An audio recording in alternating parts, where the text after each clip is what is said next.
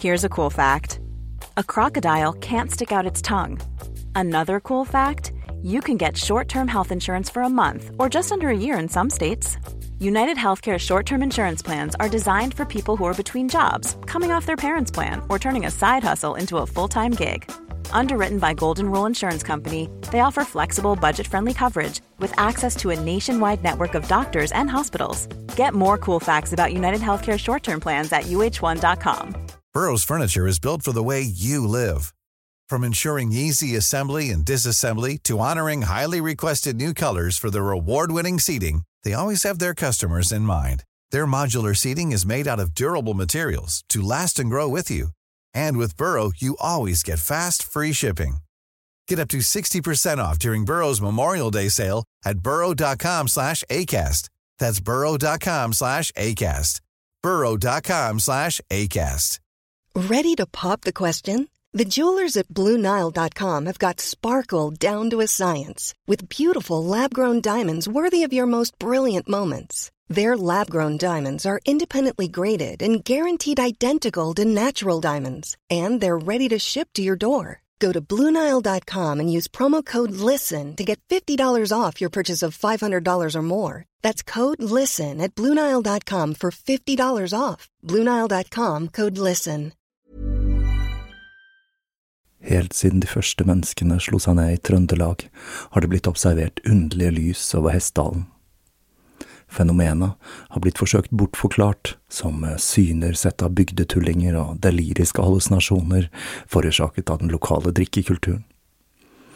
Men det skulle vise seg at fenomenet stakk langt dypere, når Hessdalen-fenomenet fikk verdensomspennende oppmerksomhet i ufo-miljøet på 1980-tallet. Fenomenet er fremdeles der, og det er fremdeles like uforklarlig som den gang. I 2024 kommer en podkastserie i seks deler, produsert av Project Hessdalen, som kanskje en gang for alle skal finne svar på hva som rører seg på himmelen i denne bortgjemte dalen i Trøndelag. Serien har som seg hør og bør fått tittelen A Blaze in the Northern Sky, og den kommer til din favorittpodkastavspiller i 2024.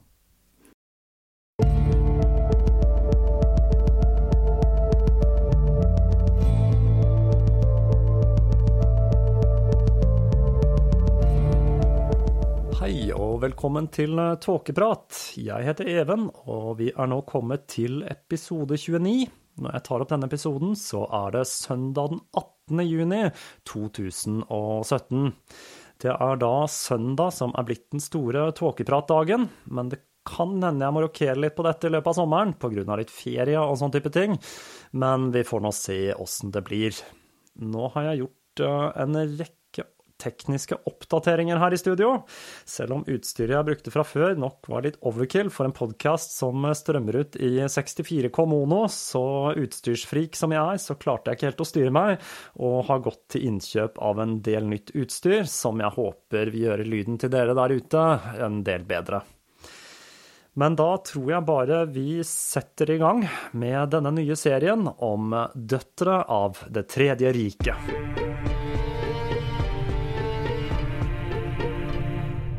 På en ferietur til Tyskland i 2011 så tok jeg turen til Berchtesgaden i Bayern. I denne landsbyen så var det som om tiden hadde stått stille. Her kunne man fremdeles se menn i lederhosen og kvinner i den tradisjonelle drindel, omkranset av et alpint fjellandskap med en natur som så ut som en reklame for sjokolade, og med restauranter som serverte tradisjonell tysk kost med lokalt skutt vilt i altfor store porsjoner. Opplevelsen av Berchtesgaden var da på grensen til en karikatur av hva man forestiller seg når man tenker på Tyskland. På en av de mange fjelltoppene rundt byen så kan man skimte et lite bygg. Det ser ut til å kunne være en værmålingsstasjon eller en observasjonspost av et eller annet slag. Det lille bygget er Kehlsteinhaus, også kjent som Ørneredet, bygget som en bursdagsgave til Adolf Hitler på 50-årsdagen hans. Bygget som ble påbegynt i 1937, og som ligger på 1834 meter over havet, ble offisielt overrakt Hitler den 20. april 1939. For å besøke Kehlsteinhaus så må man da benytte seg av en av de mange spesialbygde bussene som er laget for å klare den ekstreme stigningen opp den snirklete veien langs fjellsiden. De siste hundre meterne fraktes man i en messingheis drevet av en gammel Man ubåtmotor. Ørneredet er jo godt kjent fra flere historier fra andre verdenskrig, og dukker bl.a. opp i HBO-serien Band of Brothers. Men det er en merkelig følelse å være der selv. Bygget i den monumentale byggestilen som kjennetegnet mange av byggene bygget i Nazi-Tyskland. Bygget av enorme steinblokker, så gir Kehlsteinhaus assosiasjoner til et middelaldersk festningsverk men det føles litt underlig sjelløst og kaldt der oppe på nesten 2000 meter. Jeg så marmorpeisen Hitler hadde fått i gave fra Mussolini, hvor allierte soldater hadde hugget ut små biter som suvenirer.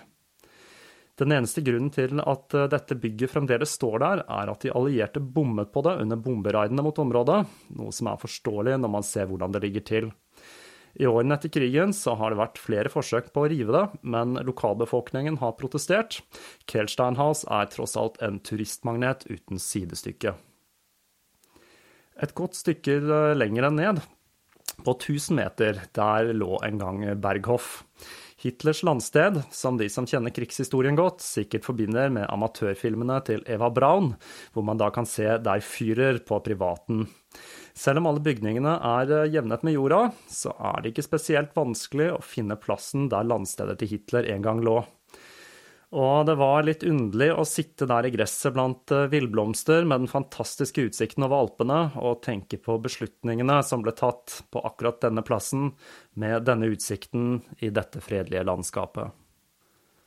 Jeg har litt blandede følelser til rivningen av eh, Berghoff-komplekset. På den ene siden så forstår jeg at de ikke ønsker at folk med den typen politisk tankegods skal valfarte dit, men på den annen side så var dette en ekstremt viktig del av europeisk historie, og jeg kan ikke si at turistene jeg så der, så ut som noe mer enn helt vanlige turister, ingen valfartende nynazister i sikte her, altså. Lå det noe mer bak rivingen av bygningene? Kanskje et ønske om å glemme hva som hadde skjedd, og glatte over det hele? Jeg tror at temaet jeg skal ta for meg nå, på mange måter har blitt revet ned og begravet i historien på samme måte som Hitlers Berghoff ble jevnet med jorden for å glemme. Jeg vet ikke hvor mange tusen sider om den andre verdenskrig jeg har lest, fra soldatmemoarer til historie, fra østfronten til Stillehavet, for ikke å snakke om hundrevis av timer med dokumentarer og spillefilm. Dette gjorde at jeg tenkte jeg skulle prøve å finne et passende tema for tåkeprat fra andre verdenskrig, og jeg gikk gjennom en rekke temaer jeg tenkte kunne være passende. Jeg fant flere passende emner, men da jeg kom til de kvinnelige vaktene i konsentrasjonsleirene, så sporet jeg litt av. Historien om de beryktede vaktene ved Ravensbruck og beryktede kvinner som Irma Grese og Ilse Koch fikk meg til å se nærmere på en del av den tyske krigshistorien jeg så å si ikke visste noen ting om. For eh, krigshistorie, det er stort sett historien om menn, men i et totalitært regime som Nazi-Tyskland, og med en hel generasjon jenter som vokste opp med nazistisk indoktrinering, var dette det hele og fulle bildet. Jeg bestemte meg derfor for å lage en serie om kvinnene som var en del av Det tredje riket, de som bidro til det tyske krigsmaskineriet, både direkte og indirekte. Dette blir en slags eh, bisarr feministhistorie, eller en slags eh, kvinnefrigjøring i revers, om du vil. Jeg vet ikke hvor mange episoder det vil bli i denne serien enda, men jeg har tenkt å dele den opp på følgende måte. Først så skal jeg ta for meg den generelle situasjonen til kvinner i Tyskland like før og etter Hitler kom til makten, og rollen til kvinnene som var en del av den nasjonalsosialistiske bevegelsen. Så skal jeg se på noen av de mindre kjente kvinnene som hadde innflytelse i Det tredje riket. Jeg kommer med vilje til å styre unna de mer kjente som Eva Braun, Traudel Junge og Magda Goebbels, og generelt kvinner som var i Hitlers umiddelbare nærhet, for da heller å fokusere på de kvinnene som holdt nazimaskineriet i gang, og som kanskje er mindre kjente for folk flest. Til slutt så skal jeg se på tyske kvinner i det okkuperte Øst-Europa og deltakelsen i holocaust, både i og utenfor konsentrasjonsleirene, og deres deltakelse i Hitlers endelige løsning. Nazi-Tyskland er fremdeles et betent emne her til lands, kanskje fordi det er så nære oss kulturelt og geografisk. Jeg tror da ikke at alle som kjempet på tysk side var onde, noe som blir kanskje ganske klart når man leser memoarene til de som faktisk kjempet i krigen, og de har jeg lest mange av, fra mange forskjellige nasjonaliteter. Og det som slår meg, er hvor likt det var for de menige soldatene, uavhengig av nasjonalitet.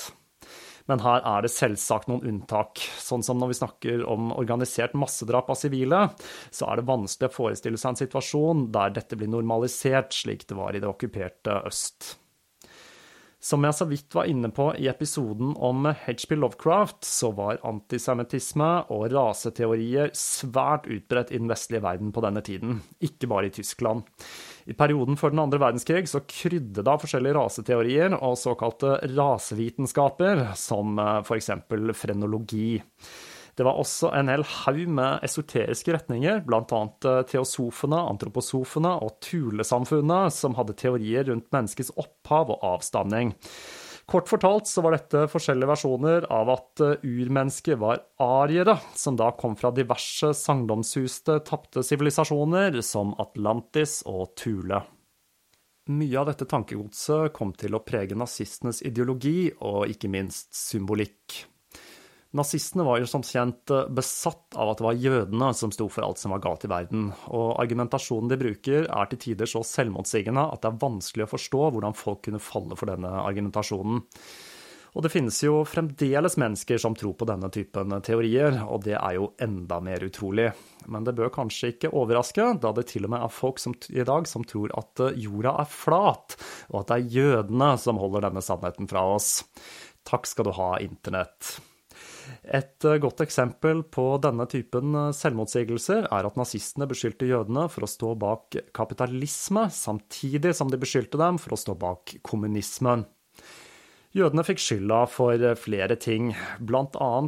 for kokain, som var et rasende populært rusmiddel i mellomkrigsårene, men som da senere skulle bli forbudt i den første krigen mot narkotika, som da ble igangsatt av nazistene.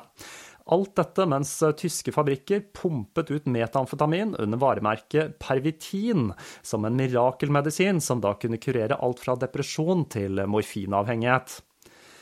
Denne typen eh, totalitære regimer er ikke begrenset til én bestemt type tankegods, men eh, den finnes i et utall politiske, ideologiske og religiøse retninger.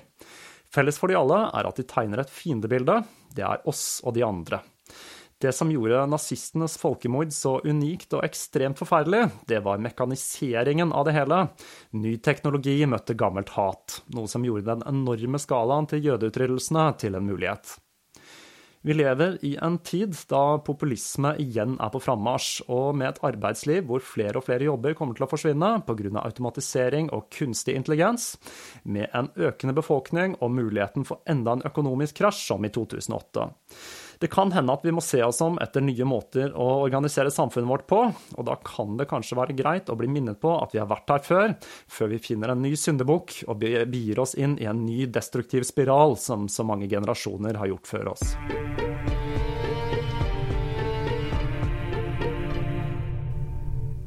Kvinners rolle i nazistenes krigsforbrytelser ble ikke tatt alvorlig av historikere før mot slutten av 80-tallet.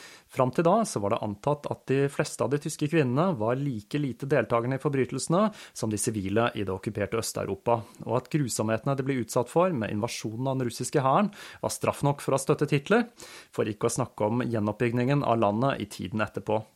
Tross alt, det var mennene som hadde stått for drapene, mens kvinnene hadde vært hjemme til Tyskland lå i ruiner. Det hersket en respekt for kvinnene, som ble omtalt som Trymmerfrauen, ruinkvinner, som gjenoppbygget Berlin stein for stein, til tross for at de la skylden på de allierte.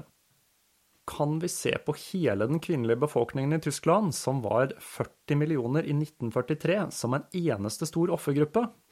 En tredjedel av den kvinnelige befolkningen, 13 millioner, var aktive i nazipartiet, og medlemskapet økte helt fram til slutten av krigen. Historien til disse kvinnene har, som i så mange andre tilfeller i historien, ikke blitt fortalt. Men det er da selvsagt visse moralske og etiske aspekter ved å fortelle denne. Det er ikke meningen å si at alle kvinner i Tyskland deltok i regimet, men ved å late som om de få kvinnene som var en del av Nürnberg-prosessen, kun var noen isolerte tilfeller, det er heller ikke helt riktig. Det var først i 1987, med publiseringen av Claudia Kuhns 'Mothers in the Fatherland', at kvinners rolle i Det tredje riket igjen ble satt på dagsordenen. Men Kunz begrenset seg til sekretærer og kontorarbeidere som holdt nazimaskineriet i gang, og marginaliserte kvinners deltakelse i konsentrasjonsleire, som sykesøstre som hjalp til med aktiv dødshjelp, som unntak og konene til SS-offiserene som bortskjemte overklassefruer, og hun tolket i det store og det hele de kvinnelige nazistene som en del av middelklassen. Med Tysklands kapitulasjon i 1918 og fallet til det patriarkalske regimet, så åpnet det seg nye muligheter for Tysklands kvinner. Med demokrati bygget etter amerikansk og britisk modell. Tyske kvinner kunne stemme for første gang i 1919 og var likestilte med menn i Weimar-republikken, i hvert fall på papiret. Og for kvinnene var nå den politiske arenaen åpen for første gang. Tyskland opplevde en eksplosjon av nye bevegelser og politiske partier. Bare i München var det mer enn 40 partier på begynnelsen av 20-tallet. Blant annet NSDAP, Nasjonalsosialistische Deutsche Arbeiderparti.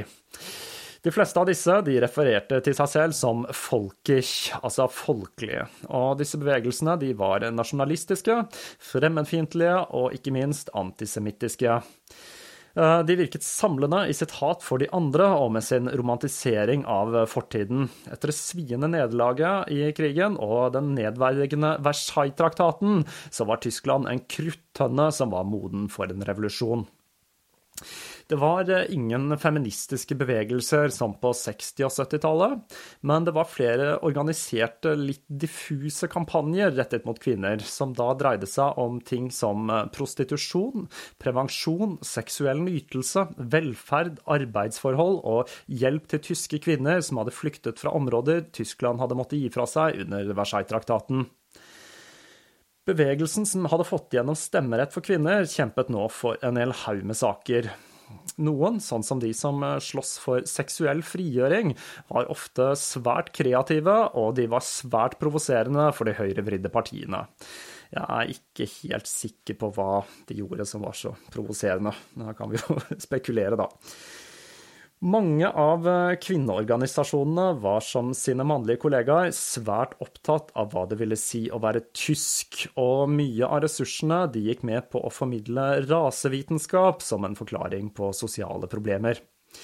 På 20-tallet så opplevde tyskere en tidligere uoppnåelig personlig frihet, med bil, radio og en helt ny verden. Berlin var festhovedstaden, der man kunne høre den nyeste musikken og med nye spennende rusmidler som kokain, som var fritt tilgjengelig. Men eh, mange tyskere så med skepsis på denne utviklingen og ønsket seg tilbake til det tradisjonelle Tyskland med tradisjonelle kjerneverdier. Tyske kvinners høyrevridning den startet ikke med NSDAP, eh, som da var det minst attraktive partiet for kvinner, da kvinner ikke kunne stå på stemmeseddelen. Kvinner kunne riktignok marsjere uniformert i gatene fram til slutten av 20-tallet, men de kunne ikke marsjere sammen med Der Führer. Og her dukker eh, en av de første raritetene opp, og som virkelig fikk meg til å kicke på dette som et tema for tåkeprat. Nemlig De røde svastikasøstrene, som da var en gruppe sykepleiere som marsjerte med NSDAP sine stormtropper. Det er Stormabteilung, eller SA, altså. Uh, altså, her snakker vi om Det røde hakekorset. Everyone knows therapy is great for solving problems, but getting therapy has its own problems too. like finding the right therapist, fitting into their schedule, and of course, the cost. Well, BetterHelp can solve those problems. It's totally online and built around your schedule. It's surprisingly affordable too. Connect with a credentialed therapist by phone, video, or online chat, all from the comfort of your home. Visit betterhelp.com to learn more and save 10% on your first month. That's BetterHelp, H E L P. Millions of people have lost weight with personalized plans from Noom like Evan, who can't stand salads and still lost 50 pounds. Salads, generally, for most people, are the easy button, right? For me, that wasn't an option. I never really was a salad guy. That's just not who I am. But Noom worked for me. Get your personalized plan today at Noom.com. Real Noom user compensated to provide their story. In four weeks, the typical Noom user can expect to lose one to two pounds per week. Individual results may vary.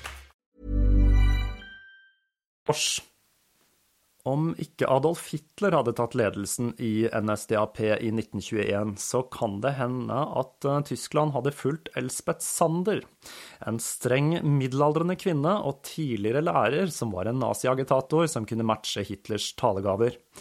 I 1923 så grunnla hun Den røde svastikaordenen, som da kombinerte hakekorset til nasjonalsosialistene med det humanitære korset til Røde Kors, for å symbolisere at hun og hennes medsøstre av brune sykepleiere tok seg av hjemløse og syke menn i SA. Hennes 13 000 medlemmer så på seg selv som surrogatmødre for de fattige stormtroppene og deres familier, og de bidro både med mat og klesvask til trengende. Men eh, selv om Sander kultiverte sitt renommé som en husfrue fra arbeiderklassen som kjempet for nasjonalsosialisme, så hadde hun nok et hemmelig ønske om å danne en egen personlighetskult rundt seg selv. Hun publiserte en avis, Den tyske kvinnes tjeneste og offer, som var hennes talerør for å angripe fiender av Tyskland, og disse samsvarte ikke alltid med den offisielle partipolitikken. Hun fordømte kommunister som hun mente avfeminiserte kvinner med å oppfordre de til å arbeide, men hun var da også like krass i sin kritikk av kvinner som brukte for mye tid på forlystelser og luksus, noe som vekket vreden til de høyere oppe i partisystemet, da hun regelmessig langet ut mot konene til partiledelsen. Hennes kampanje for å innføre tradisjonelle familieverdier gjorde at hun fikk en lojal og fanatisk fanskare som priset henne i avisen hennes, og fulgte henne hvor enn hun dro for å tale. Til å begynne med så tjente hun partiet på en god måte. Hun rasjonaliserte motstanden mot kvinner i arbeid med å argumentere at kvinner kun jobbet da det var en nødvendighet, og ikke pga. personlige ambisjoner, og at arbeidet ofte var rutine og utilfredsstillende. Det var derfor bedre at kvinner renset seg i morskapets hellige flamme. Og hun forsvarte også ideen om at kvinner ikke hadde noe i politikk og offentligheten å gjøre, da tyske kvinners plass var i den sosiale sfære, og kvinners rette yrke, det var å være mor. Men hun sa også at kvinner burde gjøre seg kjent med politiske temaer og lover som påvirket hverdagen deres direkte. Hennes mer militante følgere var ikke fornøyd med kun å servere suppe og pleie skadede SA-soldater, og de drømte om å storme barrikadene i en voldelig kamp mot kommunisme og politi og styresmakter som de mente terroriserte SA-troppene. De mente de hadde fortjent et langt mer revolusjonært navn enn Søstrene, da de ble utsatt for sjikane av andre tyskere, som kalte de for Hitlers horer, kastet stein på dem når de marsjerte i gatene, og de gjemte våpen for SA-soldatene under skjørtene sine når troppene ble ransaket av politiet. De skiftet da navn til Armeen av den røde svastika, og sluttet med veldedighetsarbeid til fordel for en aktiv deltakelse i SA sine aktiviteter. I 1926 så ble Sander utnevnt som nasjonal leder for nazistenes kvinnebevegelse. Men hennes åpne trossing av partipolitikken og hardnakkethet førte til at Sanders organisasjon til slutt ble oppløst, og for å unngå skandale så ble hun satt inn som en symbolsk leder for den nye kvinnebevegelsen til nasjonalsosialistene, Nasjonalsosialistische Frauenschaft. Sanders retorikk appellerte stort sett til arbeiderklassekvinner med liten eller ingen utdannelse, som da hadde hørt sitt eget sinne og frustrasjon bli uttrykket i talene hennes, og som delte hennes ønske om en revolusjon. Men det var også andre kvinner som var langt mindre militante, men som var like dedikerte og overbevisende, og som brakte det nasjonalsosialistiske budskapet til mer velstående familier. De brukte argumentasjonen om at NSDAP var et langt bedre alternativ enn den regjerende administrasjonen, og i hvert fall bedre enn kommunistene.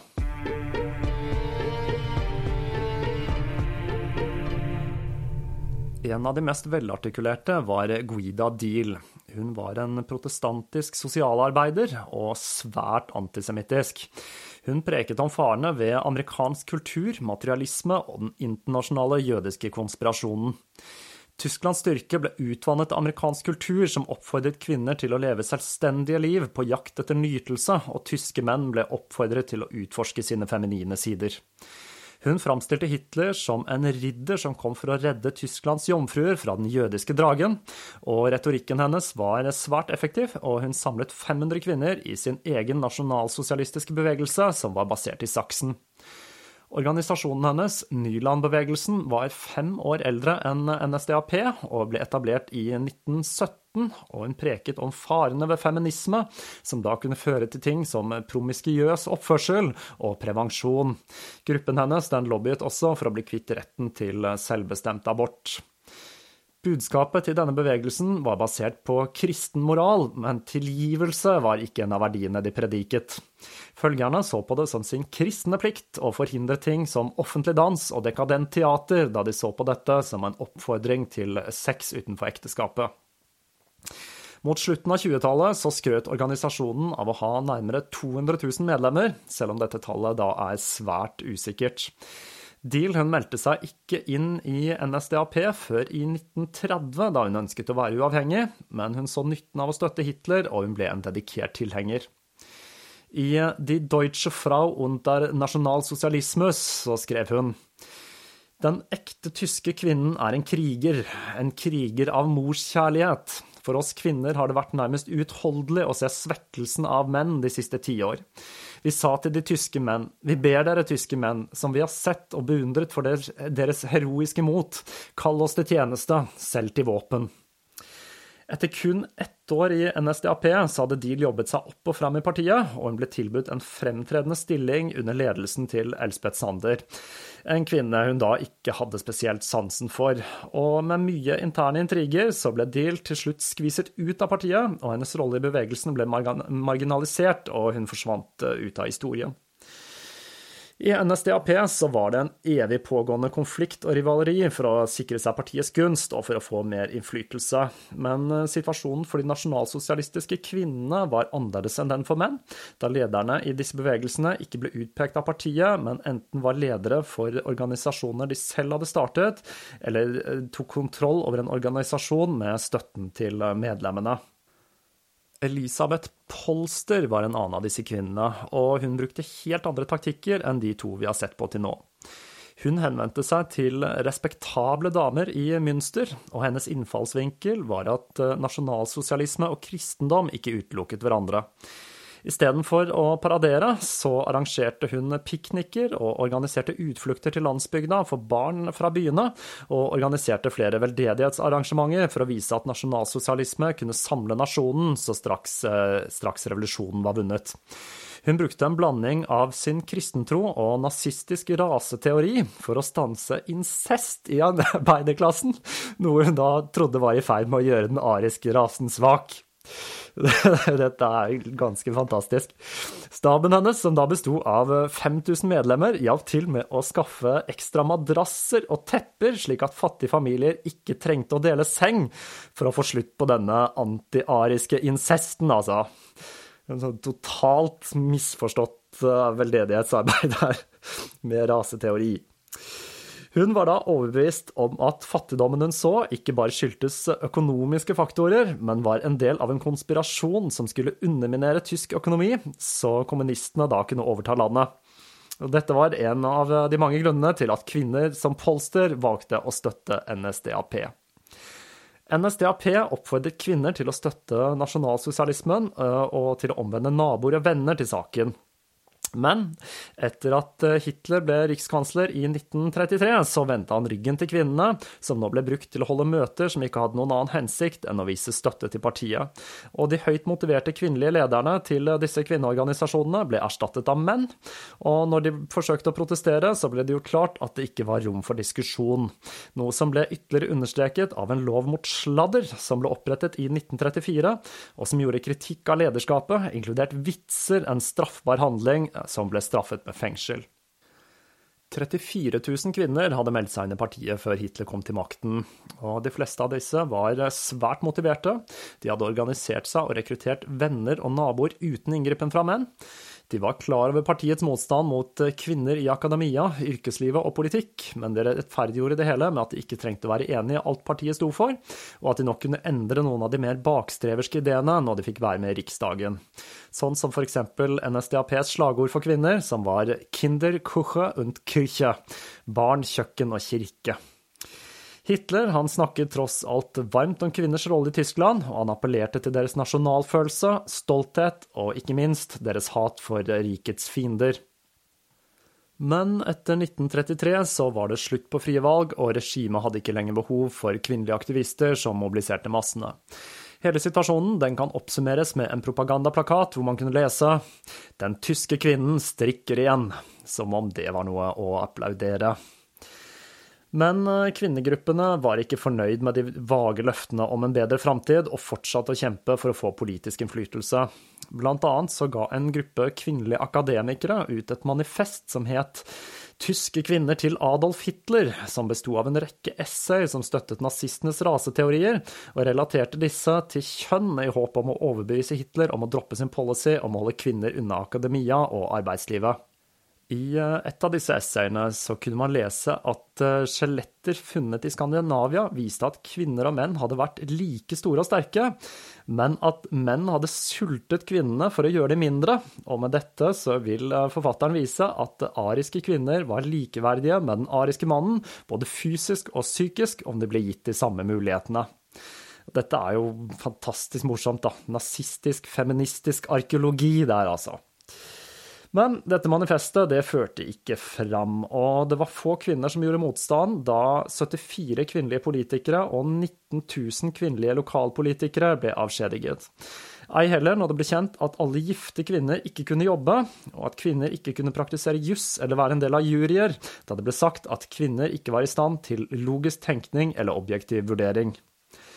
Men til tross for dette så eksploderte støtten til den nye administrasjonen. Medlemstallet i kvinnenes naziorganisasjon, Nasjonalsosialistische Frauenschaft, eller NSF, økte med 800% de første tolv månedene.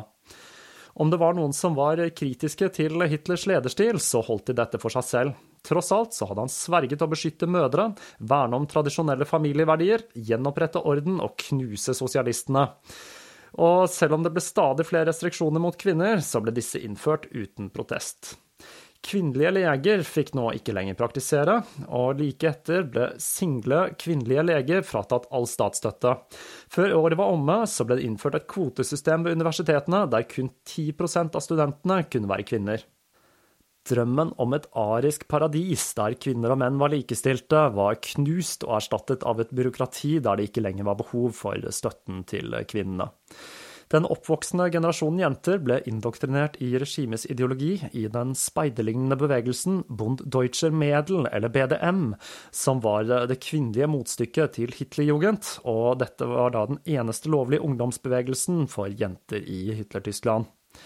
BDM hadde sine røtter helt eh, tilbake til begynnelsen av 20-tallet, med den første Medkin-gruppen, som også var kjent som eh, Schwesternschaften der Hitlerjugend. I 1930 eh, ble BDM offisielt den kvinnelige motparten til Hitlerjugend. De arrangerte utflukter og idrettsstevner, mens de trente jentene til deres roller som hustruer, mødre og husmødre i det nasjonalsosialistiske Tyskland, med spesiell vektlegging på raserenhet og den ariske rase. Utfluktene til BDM, både sommer og vinter, de var eh, svært populære, da fattige familier fikk subsidier til å sende barna sine på utflukter de ellers ikke ville hatt råd til å delta på. Før jenter kunne ta et yrke, eller om de var så heldige at de fikk muligheten til å studere, så måtte de først utføre et år med landtjeneste i regi av BDM. Dette kunne da ofte være å jobbe på en gård, eller å jobbe som barnepike for en storfamilie. Etter hvert begynte BDM også å oppfordre til sex utenom ekteskapet for å øke produksjonen av ariske barn. Dette førte da til at eh, ting skled litt ut, da leirene til guttene ofte var i nærheten av BDM sine leirer. Og under rikspartidagen i Nürnberg i 1936 ble hele 900 jenter i BDM gravide. Året etter dette så ble det slutt på campingturer for Bonde Deutscher Medel. Det nazistiske kvinneidealet kunne ses på utallige magasinforsider. Det var det naturlige nordiske utseendet som gjaldt. Renrasede og atletiske, uten sminke og i en tradisjonell drindel, kjolen som inspirerte uniformen til jentene i BDM. Kvinnene i Nazi-Tyskland var antitesen til den moderne kvinnen i 20-åra, med sin bobfrisyre, perlekjede, knestrømper og kortarmede kjoler som antydet lav moral og skrek uavhengighet. Konservative tyskere var engstelige for at slike hedonistiske kvinner skulle ødelegge moralen til Tysklands sønner, med sin usømmelige dansing og den skrekkelige jungelmusikken de kalte jazz. Alt som var amerikansk opprinnelse, ble sett på som jødisk eller negersk, og dermed uarisk. Nazistene stengte kabareter og jazzklubber i 1935, og sang og dans på offentlige plasser ble forbudt, så vel som usømmelige antrekk for kvinner. Dette til tross for at nazieliten selv besøkte ulovlige jazzklubber i hemmelighet. Prevensjon ble forbudt da dette selvsagt var en jødisk konspirasjon, til tross for at både kondomer og pessarer var en tysk oppfinnelse. For Tyskland trengte flere ariske barn. Det var mødre som var de nye idealkvinnene i Tyskland. Kinder, Küche und Kirche var doktrinen i Det tredje riket.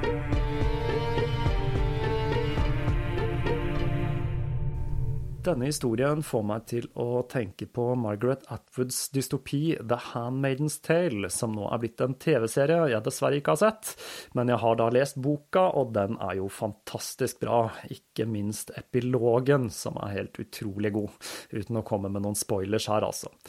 Men dette kan jo være en liten anbefaling å ta med seg på tampen av denne episoden. I neste episode så skal jeg ta for meg noen av de kvinnene som klarte å kjempe seg opp og fram i Hitlers Tyskland. Jeg skal også se litt på nazistenes tiltak for å produsere flest mulig ariske barn, i tillegg til nazistenes berømte bordell, Salon Kitty. For eh, nye lyttere så vil jeg oppfordre til å følge Tåkeprat på sosiale medier for episodeoppdateringer og lignende, og linker til disse kontoene de finner dere på tåkeprat.com. Her finnes det også flere muligheter for å høre på Tåkeprat for dere som ikke bruker iTunes. Og fram til neste episode så gjenstår det bare å si på gjenhør.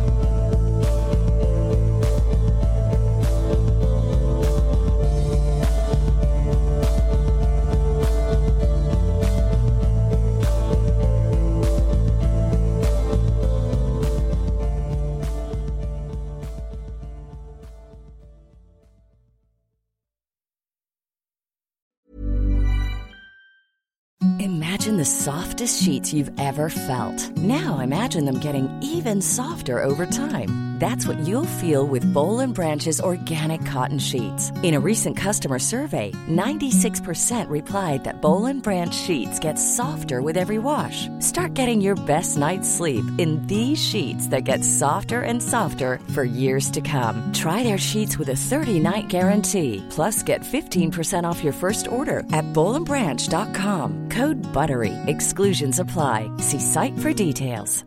Hi, I'm Daniel, founder of Pretty Litter. Cats and cat owners deserve better than any old-fashioned litter. That's why I teamed up with scientists and veterinarians to create Pretty Litter. Its innovative crystal formula has superior odor control and weighs up to 80% less than clay litter. Pretty Litter even monitors health by changing colors to help detect early signs of potential illness. It's the world's smartest kitty litter. Go to prettylitter.com and use code ACAST for 20% off your first order and a free cat toy. Terms and conditions apply. See site for details. Hey, it's Paige DeSorbo from Giggly Squad. High quality fashion without the price tag? Say hello to Quince. I'm snagging high end essentials like cozy cashmere sweaters, sleek leather jackets, fine jewelry, and so much more. With Quince being 50 to 80% less than similar brands. And they partner with factories that prioritize safe, ethical, and responsible manufacturing. I love that. Luxury quality within reach. Go to quince.com slash style to get free shipping and 365 day returns on your next order. Quince.com slash style.